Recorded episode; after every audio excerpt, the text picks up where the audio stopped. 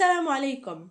انتشرت في الآونة الأخيرة حملة لدعم المثلية من طرف مؤثرين من جميع دول العالم. إضافة إلى أن الكثير من الشركات العالمية غيرت شعارها وأضافت ألوان ترمز إلى المثلية الجنسية. مرحبا جميعا أتمنى أن تكونوا بألف خير. معكم ريما وموضوع اليوم هو المثلية الجنسية. وسنتطرق للموضوع من عدة نواحي منها الدينية والعلمية. ولكن يجب أن نعرف أولا ما معنى المثلية. إذا المثلية الجنسية هو الانجذاب الشعوري الرومانسي والجنسي بين نفس الجنس بحيث يلقب الذكر بالمثلي أو اللوطي. أما الأنثى فتلقب بالمثلية أو السحاقية. ويجب أن نعرف بأنه يوجد نوعين من المثليين الذين ينجذبون إلى نفس جنسهم وفقط أو الذين يكون لهم ميل لنفس جنسهم بالإضافة للجنس الآخر. ولكي نبدأ الموضوع يجب أن نلقي نظرة إلى الجانب التاريخي. تاريخيا تؤكد بعض الأبحاث التاريخية أن المثلية كانت موجودة من القدم ولكن أكدت أيضا أن واحد وأربعون إلى اثنين وأربعون بالمئة من الحضارات القديمة عارضت المثلية بينما واحد وعشرون بالمئة لم تهتم بها أو قبلتها عادي. وتاريخيا فشرق آسيا كانت أكثر المناطق تسجيلا للسلوك المثلي وذكرت في العديد من الأعمال الصينية. وهذا ربما ما يفسر أن عشرين دولة في شرق آسيا تقبل المثلية وتعده أمر عاديا وقانونيا. والآن فلننتقل إلى الجانب القانوني بحيث أن أغلب الدول الأسيوية ما عدا الدول العربية منها تدعم المثلية وتدعم الزواج بين المثليين. أما دول أوروبا وأمريكا فإنها تقبل تقبلها عفوا إلا نسبة قليلة من الدول والتي تمنع الزواج بين المثليين. أما إفريقيا فنسبة كبيرة منها تجرم المثلية ومنها الجزائر المغرب وتونس وهنا يجب أن نطرح سؤال مهم ما رأي الدين في هذه الممارسات؟ إذا بالنسبة للأديان الإبراهيمية وهي الإسلام اليهودية والمسيحية المثلية أمر ممنوع أو حرام بحيث أن اليهودية تعتبر, تعتبر عفوا ممارسة السلوكيات المثلية فاحشة وخطيئة كبيرة يجب الامتناع عنها وعقوبتها هو القتل. أما بالنسبة للمسيحية فالكتاب المقدس يأمر بمعاقبة ممارسي المثلية الجنسية والعقوبة هي القتل. أما بالنسبة للإسلام فكلنا نعلم أن الإسلام حرم المثلية وأكبر دليل سورة الأعراف وقصة قوم سيدنا نوح. وحتى امرأة نوح التي لم تشارك القوم الرذيلة إلا أنها لعنت لأنها لم تعارض هذا الأمر.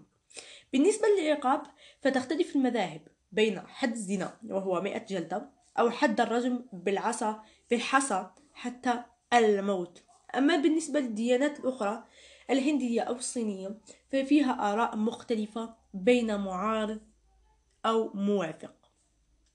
علميا. السؤال الذي نطرحه هنا هو هل المثالية الجنسية سلوك طبيعي أم سلوك ناشئ أم خلل جيني أو مرض نفسي؟ حاول الكثير من العلماء الغربيين البحث عن خلل جيني لتبرير المثالية ولكن أغلب هؤلاء العلماء استسلموا وأكدوا أنها كانت محاولة عبثية ومنهم دين هامر. إذا فرضية الخلل الجيني مستبعدة لحد الآن. لنذهب الآن للجانب الاجتماعي بحيث أن الكثير من الدراسات والفرضيات خرجت بنتيجة أن 20% من المثليين الجنسيين عانوا الإهمال في صغرهم أو عاشوا يتيمين أي بلا أم أو أب وأن بعض المثليين تعرضوا للاغتصاب في طفولتهم. وهذا ما, يجعلون ما يجعلونهم يبررون شواذهم. ولحد الآن يمكن أن نقول أن خمسين بالمئة تقريبا قد اختاروا أن يكونوا مثليين أي إرادة شخصية. لا دخل للجانب الجيني أو الجانب الاجتماعي بهذه الإرادة. ويوجد سؤال كثير كثيرا ما يطرح بين الناس وهو ما علاقة قوس قزح وعلم المثليين. إذا اتخذت الحركات المجتمعية المنادية بحقوق المثليين علم قزح قوس قزح عفوا رمزا لهم ويشير حسبهم إلى الاختلاف والتنوع داخل مجتمعهم.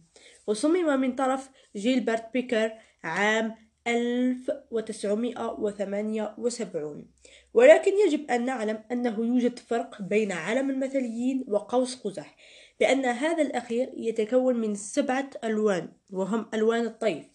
أما علم الشواذ فيتكون من ستة ألوان. وهنا يجب أن أتكلم باللهجة الجزائرية لأنه توجد ملاحظة يجب أن أقولها بالنسبة للناس الذين يقولون بأنه يوجد الكثير من الآفات الاجتماعية ولا حاجات حرام رانا نديروها وما هدرناش عليهم. وتهدروا برك على المثالية. صح لازم نعرفوا باللي المثالية والاغتصاب والبيدوفيليا هذو ثلاثة. راهي أحد أكثر الآفات الاجتماعية تأثيرا. والسبب أنه تأثر على الأطفال. ما تأثرش برك على الشخص اللي يديرهم. راهم يهلكوا مجتمع كامل معاهم. ومن هذا المنبر رسالة للأولياء. لازم تحموا ولادكم وتعرفوا واش راهم يشوفوا في التلفزيون ولا في مواقع التواصل الاجتماعي خاصة بعد إعلان بعض القنوات المخصصة للأطفال دعمها للمثالية وهذا يأثر على العقل الباطني للطفل ويخليها تبان له حاجة normal وهذا اللي يأثر كذلك على الأجيال القادمة. وين ممكن نشوف المثالية؟ أمر عادي في كل دول العالم. وإذا كاين ناس عندهم هاد الميول راهم يسمعوا فيا. روحوا عند طبيب نفسي. داوي. لازم تعرف بلي هذه ما هيش برك ذنب راه لعنة. داوي وان شاء الله غادي تبرى. و pour les personnes اللي عندهم des amis عندهم ميول هكذا. نصحوه بلا سبان بلا تجريح بلا تطياح خلي toujours الكلمة الطيبة في لسانك. باه تخدم له parce que كي تسبو ولا تجرحو غادي غادي même pas ما يعترفش بالخطأ نتاعو. باغ كي تفهمو بطريقة حضاريه وتعطيلو أدلة من القرآن والسنة. غادي تخدم له وإن شاء الله غادي يبرى. أه، لحقنا إلى نهاية حلقة اليوم. أتمنى أن تكونوا استفدتم منها ولو قليلا. ونالت إعجابكم. كانت معكم ريما وإلى اللقاء في موضوع جديد.